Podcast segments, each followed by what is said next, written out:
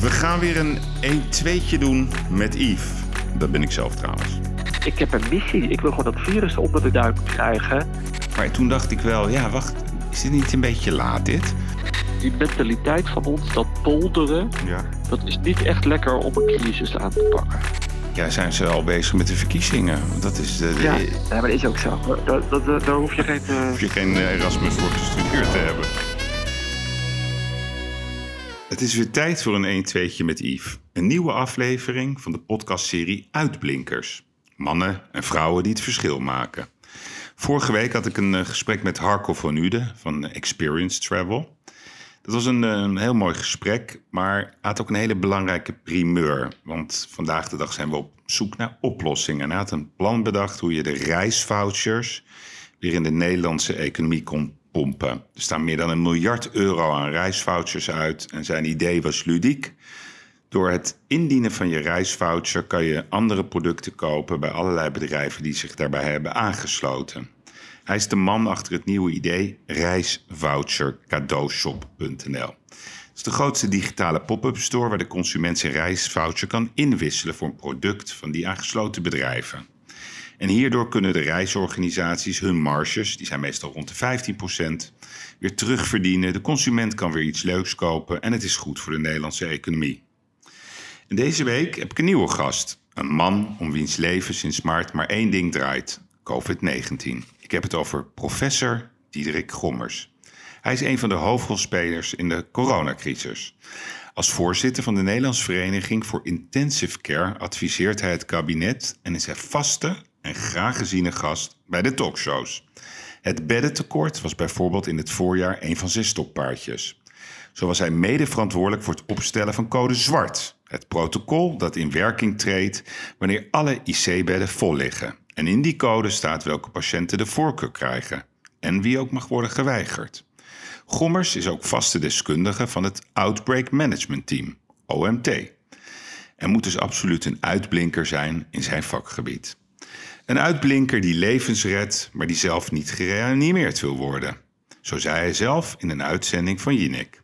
Ik ben heel benieuwd naar zijn eh, visie op de verscherpte maatregelen. eh, over de uitleg over COVID-19 of corona, zoals u het wil noemen. Moeten we ons zorgen maken? Is er perspectief? Kunnen we volgend jaar weer ons normale leven oppakken? en wat gaat hij vanavond doen bij Jinek? Want dan zit hij daar met Famke Louise. Wie heeft het niet gezien? Het is tijd om te bellen met deze uitblinker. Ik ga bellen met Diederik Gommers. Dirk Gommer. Ja, hi, goedemiddag met Yves Geijert. Nou, u bent echt de man van de minuut hoor. Ik denk ik bel een minuutje eerder, maar eh, vier uur stip. Nee, dat gaat niet, hè. Nee hè? Ik moet, ik moet tussendoor ook nog af en toe even plassen, dus ja. Ja, moet ook gebeuren. Ja, hey, ik, ik denk dat ehm, je zal een goed weekend achter de rug hebben... na de prachtige, strakke overwinning van Feyenoord bij Willem II... en de kansloze nederlaag van Ajax bij Groningen. Dat moet de Feyenoord-fan goed doen, hè? ja, absoluut. Ja, want u bent een hartstochtelijk Feyenoord-fan, toch? Ongelooflijke Feyenoord-fan, ja. Mooi, hè? Maar nu heb ik het, ik merk wel dat ik het zo druk heb nu dat eh, ik iets minder gespannen ben. Anders had ik gewoon tijd over en dan kon ik echt naar die wedstrijd kijken en daar helemaal zenuwachtig van worden. Maar nu eh, heb, ik het, heb ik het iets drukker. Dus ik heb gisteren ook niet gekeken. Ik Ja. had zelf hockey en ben daarna nog even iets gaan doen. eh. Maar ga je meestal ook naar het stadion? ja, ja. En waar, waar, waar zit u dan? Ja, afgelopen jaar zaten we in N. En dit jaar ben ik nog niet geweest, maar zitten we iets meer dus op de eerste ring en dan ergens in het midden, geloof ik. We zitten iets meer naar het midden nu. Ah. Maar nog niet helemaal, geloof ik. En wat vond u daarvan toen, toen Mark Rutte zo tekeer ging tegen die Feyenoord-fans... dat ze zijn bek moesten houden? Ja, dan denk ik van god, dan ben je echt nog nooit in het stadion geweest. Nee, hè?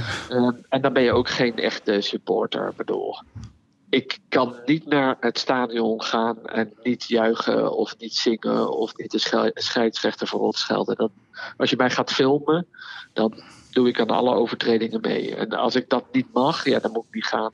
Want Nee. ik zou dat echt niet kunnen. Ik bedoel, daarvan ga je niet in het stadion zitten. Dan kan ik beter voor de televisie blijven zitten. Dat is niet zo chic, hè, van onze president. Nou ja, het- nou ja, Onwetendheid. ja toch? Ik bedoel, Ja. Ja, ik, ik weet ook niet hoe ik het moet kwalificeren. Ik vond het een beetje onbeschoft, maar ja. Ik had een vraag. Ik heb er heel veel. Vertel. Ja, wat is nou precies uw rol in het publieke debat rond corona? En ik vraag dat omdat ik zie, ik heb de afgelopen maanden zoveel mensen voorbij zien komen. Van Ernst Kuipers tot Jaap van Dissel, van Marianne Koopmans, tot jijzelf. Wat, wat is uw rol in het debat? Ja, hele goede vraag. Ik ben natuurlijk begonnen als uh, in de rol van voorzitter van de Nederlandse Vereniging van Intensive Care. Uh, was het, uh, omdat de IC er zo bij betrokken was, heb ik ge, mijn leden geïnformeerd. En dat werd opgepakt door de pers. En uiteindelijk ben ik meegenomen door Jaap van Dissel naar het katshuis om het kabinet kabinetsleden van informatie te voorzien en bij te praten. Wat gebeurt er nou eigenlijk met de intensive care en hoe is de intensive care in Nederland georganiseerd? Dus eigenlijk in de eerste, nou wat zullen we zeggen, anderhalve maand, twee maanden, ging het over intensive care. En toen had ik daar een rol in, omdat ik uh, sinds januari 2016 de voorzitter ben van de Nederlandse Vereniging van Intensive Care. En dat is iets wat je uh, in termijnen doet. En dat neem je uh, zo'n functie, daar, daar, daar solliciteer je naar. Dat worden, door de leden wordt dat dan gestemd of ze jou willen als voorzitter. En ik zit nu in mijn tweede termijn en die loopt in januari 2022 af. Hmm. Maar toen, toen, toen dat gesprek plaatsvond, krijg je dan ook zeg maar, uh, instructies mee? Wat je moet doen, wat je moet zeggen, wat ze van je verwachten? Hoe werkt zoiets? Van wie? Van wie? Van het kabinet. Nee. Dat niet? Nee, ik, nee, ik heb in het katshuis, dat zijn echt uh, besprekingen die op. Nou, dat was eigenlijk gewoon een, een open discussie. Waarbij Jaap van Dissel dan iets vertelde over het virus. en ik over de intensive care. Uh, en later uh, sloot daar ook Ernst Kuipers nog bij om te vertellen over he, de opschaling en over de landelijke organisatie. Hmm. Uh, die, die bijeenkomsten heb ik bijgewoond. En toen het op een gegeven moment met de intensive care ging dalen, maar toen de verpleeghuizen een groter issue was, ben ik niet meer daar naartoe gegaan, maar zijn andere deskundigen toen uitgenodigd door het kabinet. Ja, ja. Maar wat, waar, waarom ik het vraag is omdat als je, als je mensen spreekt, dan, dan, dan er is zoveel onduidelijk. Ik vind het kabinet doet ze best, maar ze communiceren onduidelijk. Ze hebben vaak van die halve waarheden, een zaaltje van 30, varen in de mist. Nou, we hebben al die, al die anekdotes gehoord. Maar wat ik nooit heb begrepen is, is er nooit een discussie geweest om te zeggen, laten we gewoon één coronakanaal beginnen met z'n allen. En dan eenduidige informatie verstrekken aan iedereen. Want je merkt gewoon dat onder de mensen, onder de jongeren. Nou, u heeft het zelf ja, recentelijk meegemaakt. Ja. ja.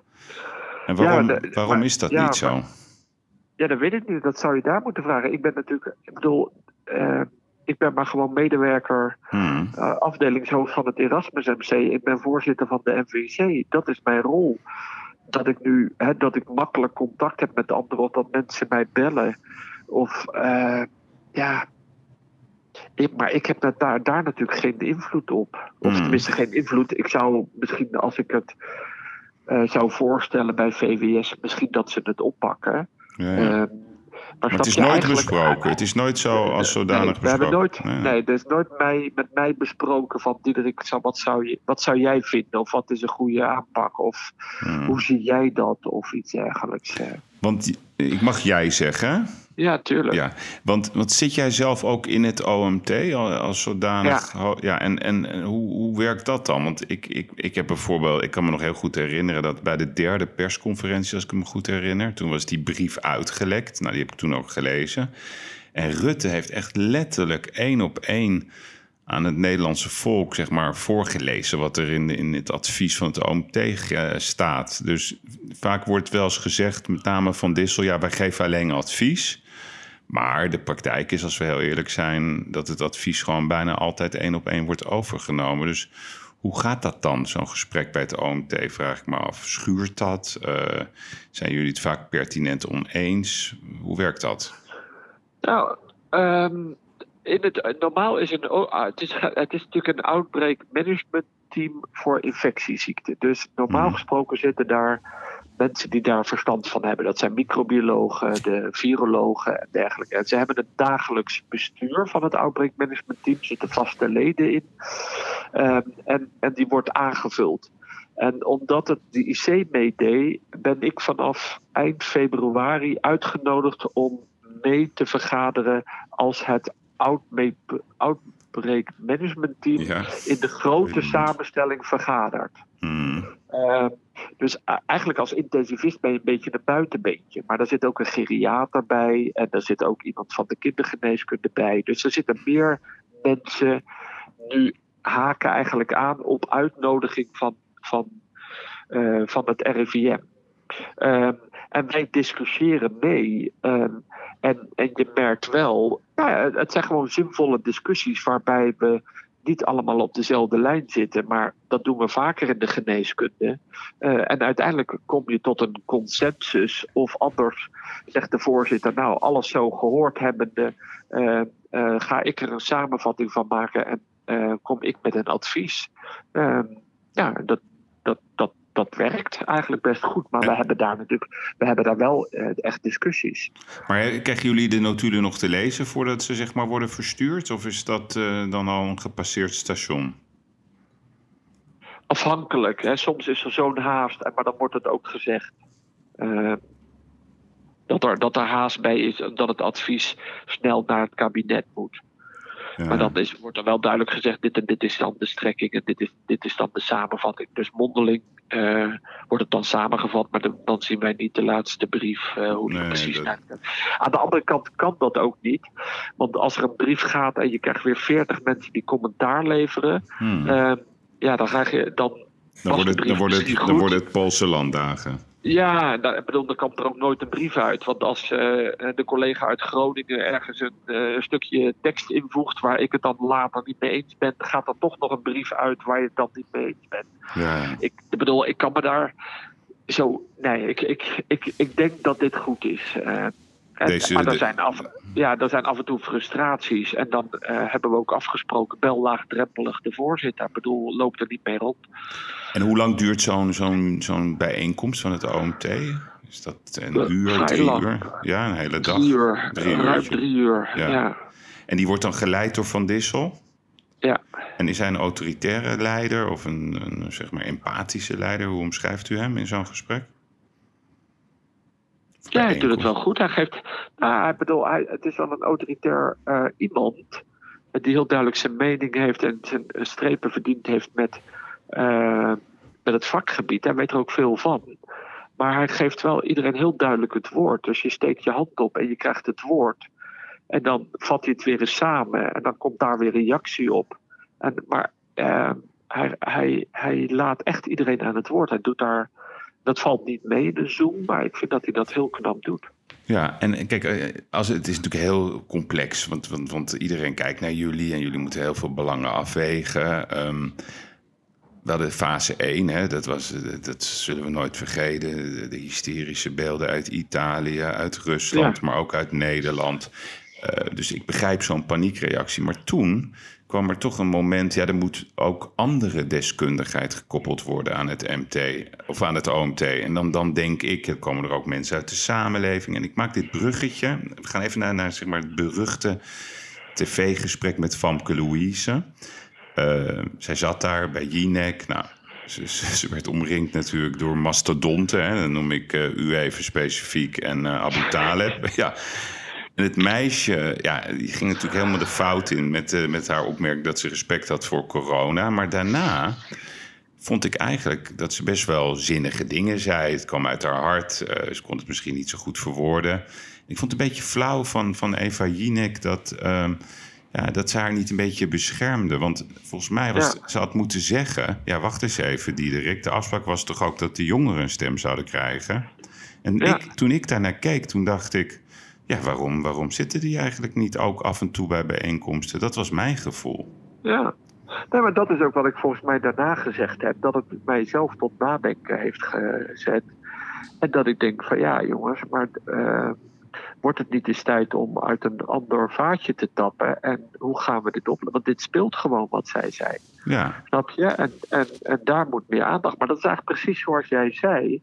eh, zoals je interview begon, van maar bij wie ligt dit nou? Snap je? Mhm. Is dit, is dit van het kabinet? Is dit van VWS? Ik heb de persvoorlichter afgelopen week aan de lijn gehad. Ik zeg jongens, maar wat ik wil, naar aanleiding van dat Femke-gedoe, ik wil gewoon de jeugd bereiken. Ik, ik, ik weet iets van de medische kennis. Hm. Ik blijk iets eh, makkelijk te kunnen uitleggen. Ik heb wel zo'n behoefte van luister eens, zou je daar gebruik van kunnen maken? Ja, en, en, maar eigenlijk ligt dat bij hun. Of tenminste, dat, eh, dat denk ik. Bedoel, ehm, en, en zolang zij dat niet oppakken, die handschoen, heb ik zoiets van: ja, jongens. eh, ik, ik heb een missie. Ik wil gewoon dat virus onder de, onder de, onder Nee. de duim krijgen. Eh, en als ik nu hoor dat, eh, dat als ik iets uitleg dat het best goed gaat. Ja, jongens, zolang het gewaardeerd wordt, prima, dan doe ik dat. Komen de anderen of dingen mensen beter, dan geef ik het graag af. Snap je? Mhm. Want ik ben maar, ik ben maar intensivist. Eh, Nee, precies. Maar wat, weet je wat ik dacht? Ik keek zo daarna. Een mooi gebaar ook. Je was heel rustig. Je bent een groot talent op tv. Maar toen dacht ik wel, ja, wacht. Is dit niet een beetje laat, dit? Dat was mijn gevoel. Dat ik denk van, ja, we hadden afgesproken... dat eh, andere eh, mensen uit de samenleving ook eh, betrokken zouden worden... Hè, bij het denkproces. Ja, toen dacht ik, ja, dit vind ik wel een beetje laat. Want jij zegt Ja, zelf... maar eigenlijk, eigenlijk, je hebt wel gelijk hoor. Maar eigenlijk, ehm, dan ga ik iets zeggen en dan, dan moet jij zelf over nadenken. Want ik weet dat natuurlijk ook niet. Maar de vraag is, het OMT, eh, infectieziekte, is medisch inhoudelijk. Hmm, Het zou logisch zijn dat het kabinet het advies van het OMT eh, bespreekt of met de voorzitter uitnodigt en dan adviseurs uit economie, uit gedrags, uit epidemiologie en dat hij die mensen bij elkaar zet en dat Jaap van Dissel daar een onderdeel is van die groep. En dat die groep, al of niet in aanwezigheid van Hugo de Jonge, Tamara eh, en, en eh, Mark Rutte, discussieert en dat daar een advies uitkomt. exact. Ehm, en ik kijk, in die crisis, dan was het logisch, hè, dan stond het land op zijn kop en we, Ja. bedoel, we kwamen tekort en we, het dreigde in een code zwart te gaan. Dat je dan zegt, wij volgen de medici, helemaal logisch.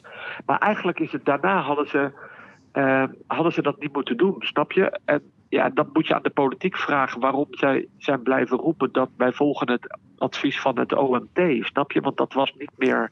Nee, maar ik vraag het juist aan jou, want jij zit daar zo dicht op de bal. En dan zeg ik van ik, ben, ja, ik ben het met jou eens. ze zijn gewoon eens. geweest in de breedte van de toetsing van kennis. Dat vind ik. Ja, ja, Dat is toch zo? ja, ja. Helaas.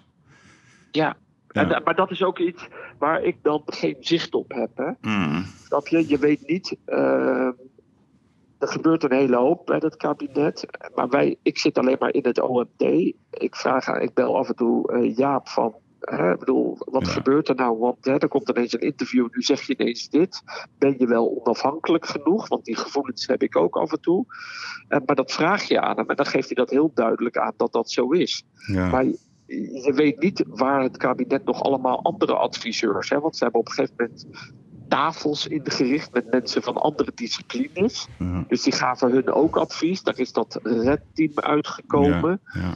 Ehm, ik, ik weet niet hoe het kabinet omgaat met die verschillende adviesorganen. En hoe dat überhaupt eh, georganiseerd is. Want er is ook nog zoiets als de gezondheidsraad of ja, Ja. allerlei gremia waar, waar ik eh, geen weet van heb. eh. Ja, nou ja, oké, maar goed. Ik, ik, ik vind zelf, als ik het gewoon zo bekijk, denk ik, nou, eh, iedereen doet zijn best. Eh, je voelt een enorme betrokkenheid vanuit de gezondheidszorg.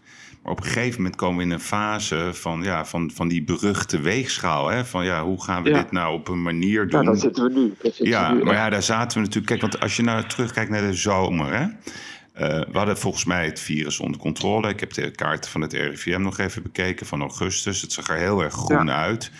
Maar bijvoorbeeld, ik woon in Amsterdam. Eh, ja, de jongeren die waren opgestapeld in boten, in de grachten, dansen, drinken. Nou, ook wat ze niet durfden te benoemen was toch wel de ongelooflijk hoge stijging in de allochtone wijken. Ik begrijp dat Ja. ook. Hè? Dus, eh, Mensen wonen daar dicht op elkaar.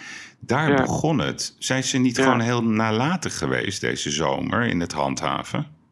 Ja. Eens. Eens, ja. Nou ja, wat je, wat je ook zegt is.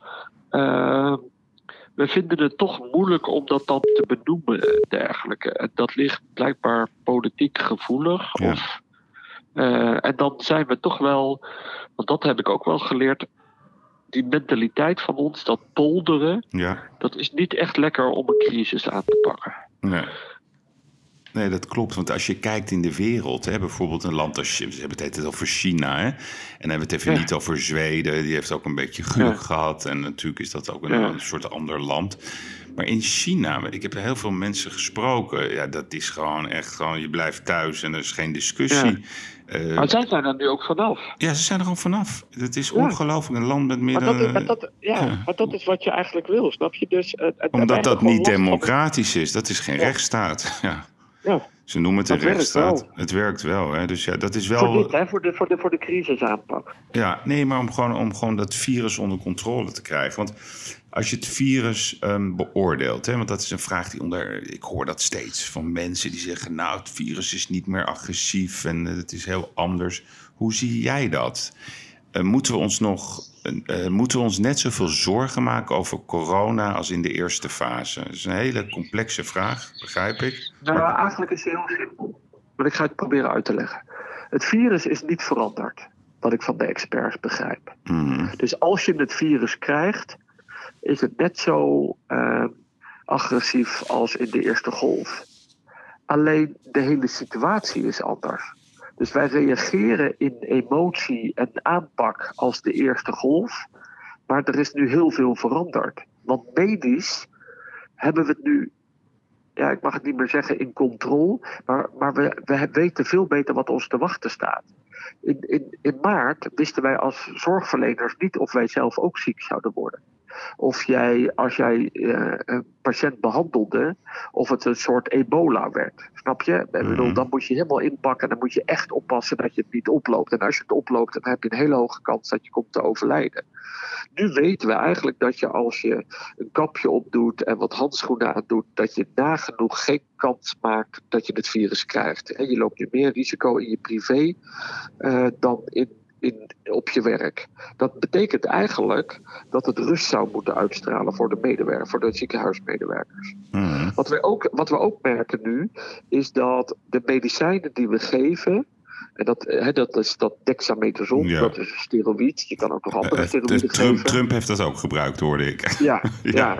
Nou, en je kunt bloedverdunners geven. Ja. Nou, Trump heeft dan Ascal, dat remt de, de bloedplaatjes. Maar wij geven dan dubbele doses eh laagmoleculair heparine. Dat doe je eigenlijk om eh, eh, trombose van je benen te voorkomen als je in het ziekenhuis ligt omdat je te weinig beweegt. Maar dat geven we dan een dubbele dosis. We geven meer zuurstoftherapie. Wat we nu zien is dat de mortaliteit op de intensive care is gehalveerd. Mhm. Ehm, en we zien op de gewone afdeling dat, dat, dat die mensen sneller herstellen en dat er minder mensen naar de IC gaan. Ja. Dus als je dit nou even vasthoudt, dan zegt je jongen eigenlijk, medisch zijn wij een heel stuk verder dan maart. Wij weten wat ons te wachten staat.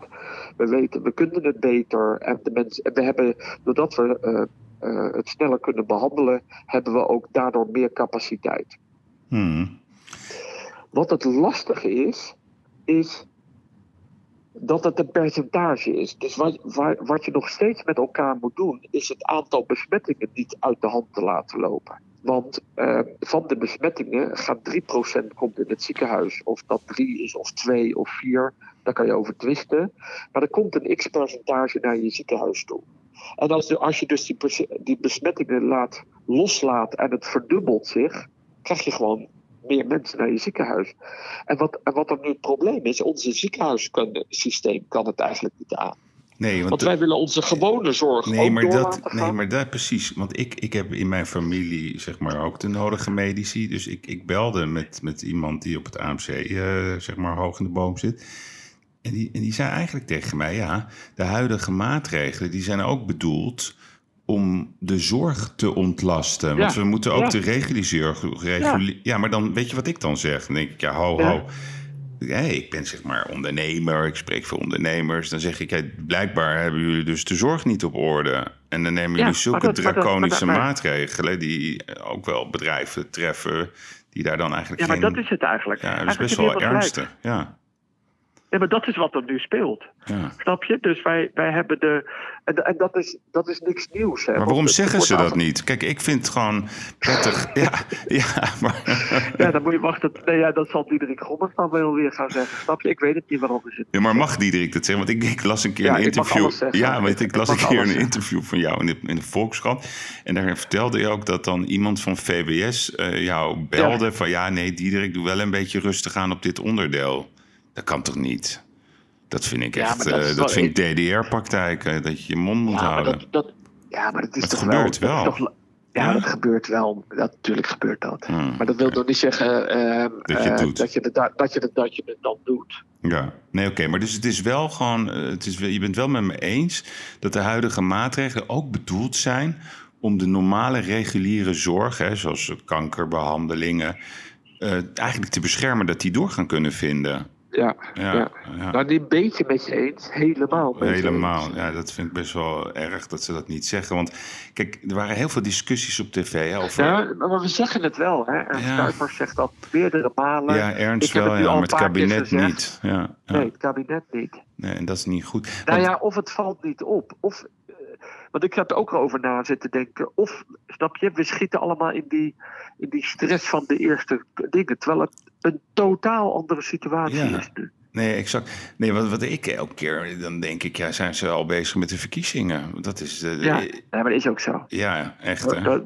Daar, hoef je geen... eh, Ja, hoef je geen eh, Erasmus voor gestudeerd te hebben. Nee, ja, nee, maar daar, ben ik, daar moet ik nu ook zo op letten. Snap je? Dan, dan word ik uitgenodigd om mee te lopen in een, in een optocht eh, voor de verpleegkundigen. Ik bedoel, het is ja mijn beroepsgroep niet, maar ik bedoel, ik voel er wel wat voor.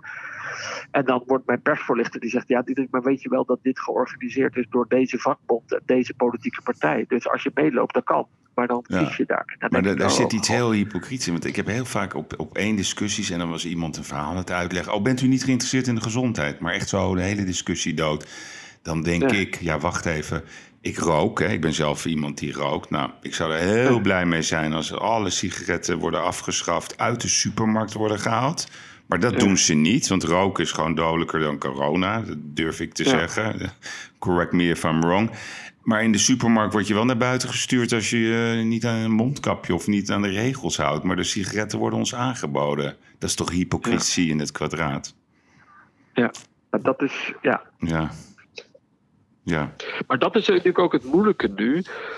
Eh, kijk, je, eh, kijk, het aantal doden en het aantal dingen. Dat hebben we nu onder controle, omdat je er met elkaar bovenop zit. Hè. Ik bedoel, het kan, als je het los zou laten, het kan nu niet meer, maar als je het op dit moment los zou laten, eh, dan zou zomaar de helft van de bevolking het virus kunnen hebben. Snap je? Want we tegen dit virus Maar, hebben maar we dat nooit wilden meer- we toch? Want wat, wat, waar is die, die, Ja, zeg maar dat die- waren die kudde immuniteit. ja, die maar immuniteitsgedachte. ja, was, maar dat is toch echt achterhaald. Dat was geen goed idee. dat toen- Nee, Dat dat, was was gewoon geen goed idee.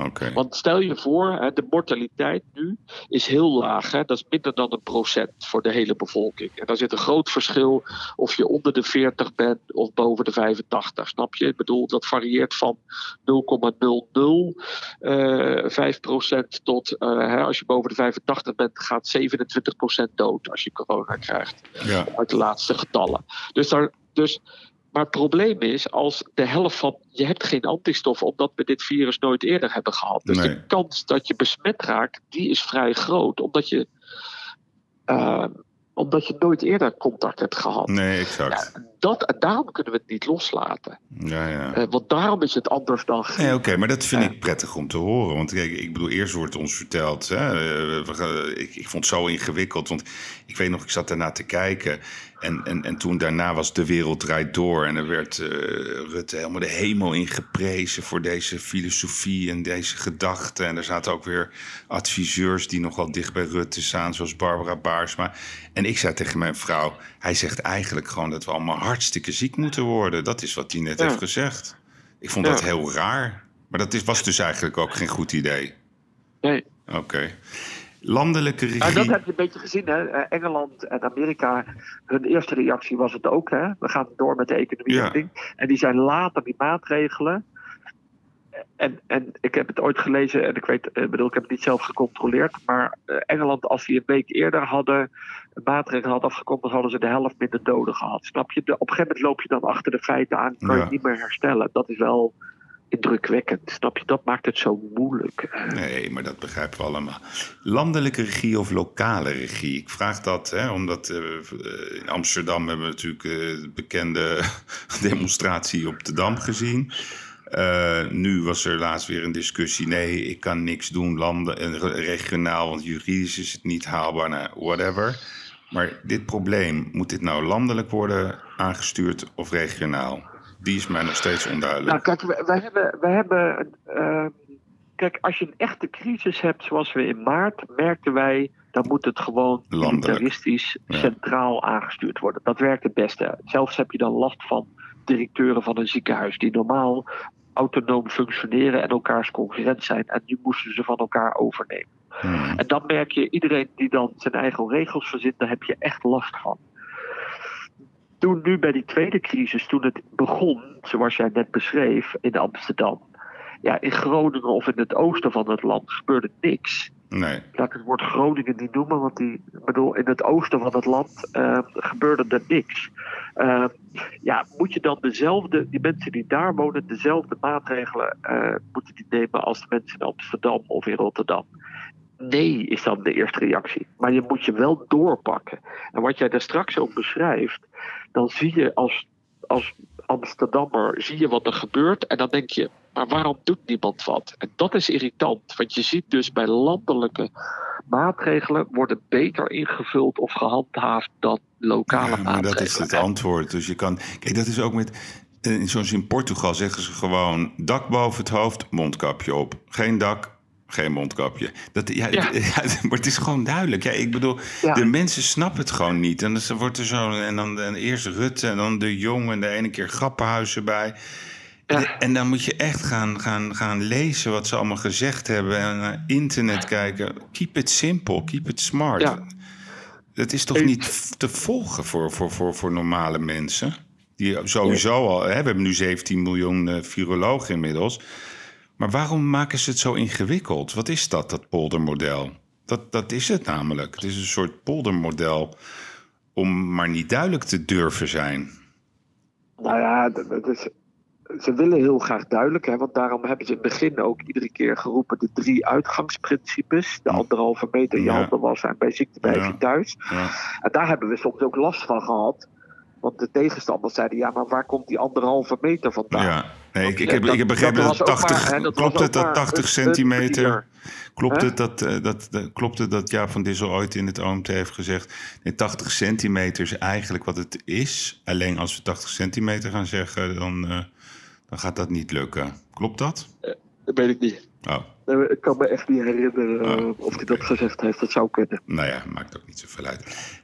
Hey, u bent inmiddels een uh, bekende Nederlander. Ja, of je, ja, ja, ja, ja, ja, Want ik, ik, vond, ik vind het wel grappig hoor. Je, had, je hebt 212, ik zat net even te kijken, 212.000 volgers op Instagram. Je hebt vier posts gedaan. Daarmee ben je gewoon een, een, hero op social media. Dat is echt, dat is bijna nooit vertoond. Hoe, wat, ik vind dat wel grappig. Wat vind je vrouw ervan? Vreselijk. Ja, je zoon ook, hè, las ik. Een van de zonen. Ja. Ja. En de dochter, die vindt het leuk? Nee. Ook niet. Zij vindt het allemaal verschrikkelijk. Ja. Maar jij, wat vind jij ervan? ik vond die foto met de kappers wel leuk. Nee, ja, nee, ja. Nee, ja, nee maar ik, ik heb zoiets van, jongen... Kijk, ik ga weer van social media af als dit voorbij is. Oh, daar ga je weer vanaf. Ja, ja. ja bedoel, ik, bedoel, ik doe dit niet voor mezelf. Ik, ik bedoel... Ik wil gewoon zoveel mogelijk mensen bereiken. Wat jij ook zegt. Ja, hoe kunnen we het nou simpel maken en hoe kun je het nou uitleggen? Nou, als ik daar op een eenvoudige manier een steentje aan kan bijdragen, dan wil ik dat doen. Uh, uh, en, en ja, en dus ik, ik blijf nooit op social media, snap je? Ik bedoel, want dat, dat deed ik daarvoor ook niet. Dus uh, oh, dit heeft echt een doel. Ja, maar ik geloof me maar, influencers doen er een moord voor, voor dit soort aantallen. Want, ja, dat vind ik dan prachtig. Dan denk ik, ja, nou jongen, ja, maar ik heb er niks mee, toch? Nee, okay. uh, nee maar het is, het, is wel, het is wel heel opmerkelijk. En vanavond, want vanavond zit je bij Jinek met Famke Louise. Wat gaan jullie dan vertellen aan, aan het volk? Uh, niet zoveel. Nee? nee, ja, kijk, nee, nee, ja, wat er gebeurt is, ik probeer dat gesprek met haar aan te krijgen. En ja, wat ik je net ook al een paar keer nu gezegd heb, ik, ik kan een stukje medische inhoud en ik kan in eenvoudige woorden iets moeilijk een beetje duidelijk duiden. En ik dacht van luister eens, als wij nu samen, als zij nou haar kennis gebruikt van het bereiken van mensen en ik doe het stukje medische inhoud. En, en, ehm, en hoe we dat dan precies gaan doen, ja, ik wil het aan haar overlaten hoe wij filmpje of hoe zij een filmpje of weet ik veel wat gaat doen. En ik Mhm. tegen haar gezegd, laten wij, ik ruim mijn agenda leeg om scholen, webinars, Zoom, maakt me niet uit. En, eh, ik wil graag die mensen bereiken. En, en zij moet vooral eh, met die invulling komen, want daar heb ik helemaal geen verstand van. Eh, en wat je nu merkt is, ik weet niet precies wat daar eigenlijk, wat, wat wij vanavond gaan, eh, gaan brengen. Nee, nee, maar je, ik hoorde, je ging in de mondkapjes, maar dat, toen zei je daarna weer, nee, ik ga niet zelf Nee, mondkapjes ja, kijk, ik nog wat het lastig is. Ja. Ik ben gewoon dokter, ik Ja. ben arts, ik heb een prachtig salaris. Ik, moet, ik ga nergens in. Snap Nee, je? Ik bedoel, precies. Ehm, eh, als zij eh, iets doet, dan, eh, da- dan eh, moet ze dat vooral doen. En, en als ik maar niet negatief bij betrokken word, snap je? We gaan geen, ik ga geen geld verdienen aan mondkapjes of weet ik veel wat. Bedoel, maar als het een zin heeft dat iedereen met een mondkapje van Diederik Gommers of een afbeelding, jongens, doen we het allemaal. Als dat helpt, dat we daarmee het virus, op- dan heb je mijn zegen. Ik bedoel, eh, maar ik verwacht dat zij iets met, met haar, want er zitten allerlei mensen om haar heen, dat zij met leuke ideeën komen. Tenminste, dat hoop ik. En, en toen ze bij je kwam, was je ook een beetje een troost voor haar? Had ze tranen in de ogen? Maar wat er Nee, ze was was gebeurd? veel relaxter. Ze was veel relaxter dan de vorige keer. En waar ze mee begon was. Ik, ik vind het. Je hebt me ongelooflijk geholpen door Ja. gewoon op de radio te zeggen. dat er ook iets goeds in zit. En dat jou het geholpen heeft om anders na te denken. Daar heb je me zo mee geholpen.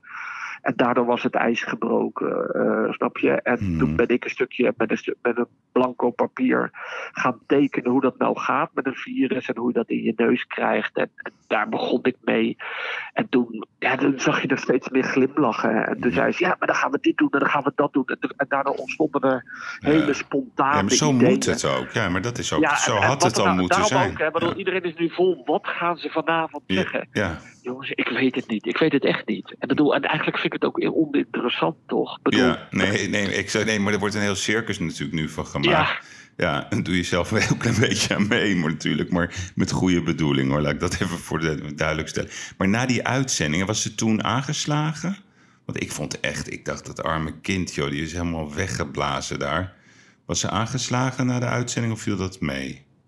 ik, ik, heb de, ik, ik, ik blijf nooit eh, tot het einde. Oh, jij bent niet gebleven, oké. Eh, ik, ik, ik mag altijd eerder weg, omdat, het, eh, omdat ik al helemaal laat in mijn bed lig. Hey, Ehm, dus, dus, dus ze was al heel zenuwachtig voor eh, de uitzending. En na de uitzending heb ik haar niet gesproken. Maar toen heb ik haar wel gepoogd, omdat ik toen zag.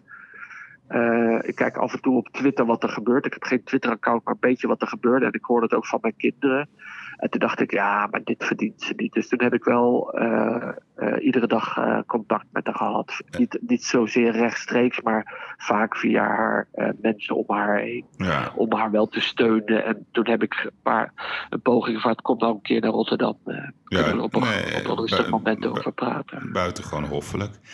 De grote vraag. ehm, ik hou van voorspellingen. Wanneer denk jij dat, we het, eh, dat het virus zeg maar onder controle is? Nou, wat er nu gaat gebeuren... ik bedoel, ik weet net zoveel als jij. Hè? Ja, bedoel, ja, ik ben net zo een van die 17 miljoen. En ik Ja. pretendeer nu iets van Je weet virologie of ietsje, weten. me- Omdat ik ietsje meer, weet je, denk ik, Ja, dan ik op dit ja. gebied. Nou, ik heb afgelopen vrijdag, toen vroegen ze ook die vraag. En toen zat ik naast Marion Koopmans. En die was een beetje pessimistischer. Maar Ja. Als je ziet hoeveel geld er in de, in de industrie gepompt wordt om het probleem te tackelen met die, met die eh, vaccins, ben ik ervan overtuigd dat dat gaat lukken. Normaal doen we dat nooit in een jaar, dat lukt ons nooit. Maar er gaat zoveel geld in om en er zijn zoveel verschillende firma's en, en laboratoria mee bezig, dat ik verwacht dat wij toch wel een, een werkend vaccin binnen in, de, in het eerste kwartaal van 2021 hebben. Dan ben je nog drie maanden bezig om iedereen te vaccineren. Ja, En er gaat ook een aantal mensen, en dat is best hoog, die zich niet laat vaccineren. ja, Eh, uiteindelijk, eh, als, als iedereen, hè, dus iedereen die zich wil vaccineren, gevaccineerd is, uiteindelijk dooft het virus uit. Ehm, En dan leeft het wel rond. Ik bedoel, er zal af en toe nog eens een eenling ziek van worden, omdat hij zich niet gevaccineerd heeft, maar niet meer dat je elkaar uh, aansteekt. Snap je? Eigenlijk heb je dan de kudde-immuniteit geïntroduceerd. Ja, ja, op zo'n manier. En, en, dus raak je hem kwijt. En uiteindelijk uh, dooft zo'n virus uit. En dat hebben we ook al eerder gezien met MERS. En, en eigenlijk doet dat ebola eigenlijk ook, snap je? Het SARS, is er wel, maar... SARS was heel agressief. Dit was zomaar ja. weg, hè? Die was van de ene op de andere dag weg. Ja, en, en, dat verwacht ik hier eigenlijk ook. En tuurlijk, het is een virus wat natuurlijk in heel veel landen voorkomt. Dus op het moment dat wij het kwijt zijn... dan gaan we reizen en dan gaan we meer landen bezoeken. Dus dan zit er een risico in. Maar... Uh, ik, ik verwacht eigenlijk dat we over een jaar. En ik hoop eigenlijk eerder dat we er vanaf zijn. Uh, ja, maar zeker binnen nu in een jaar. En ik verwacht eigenlijk iedere keer weer golfbewegingen. Dus ik denk nu, ik vind dat we echt goed bezig zijn sinds een week. En ik ben echt van overtuigd dat, het, dat, dat we het weer gaan dalen krijgen, het aantal besmettingen. En dus uiteindelijk ook de ziekenhuisopnames. En dat we dan weer een beetje gaan versoepelen. En dan komt het in de winter, januari weer een beetje terug. Want dat is het, uh, het koudheidsseizoen. Uh, en dergelijke. En dan komt het weer een beetje terug. En dan, ik denk iedere keer dat het golfje kleiner wordt. Wat we terugkrijgen uiteindelijk.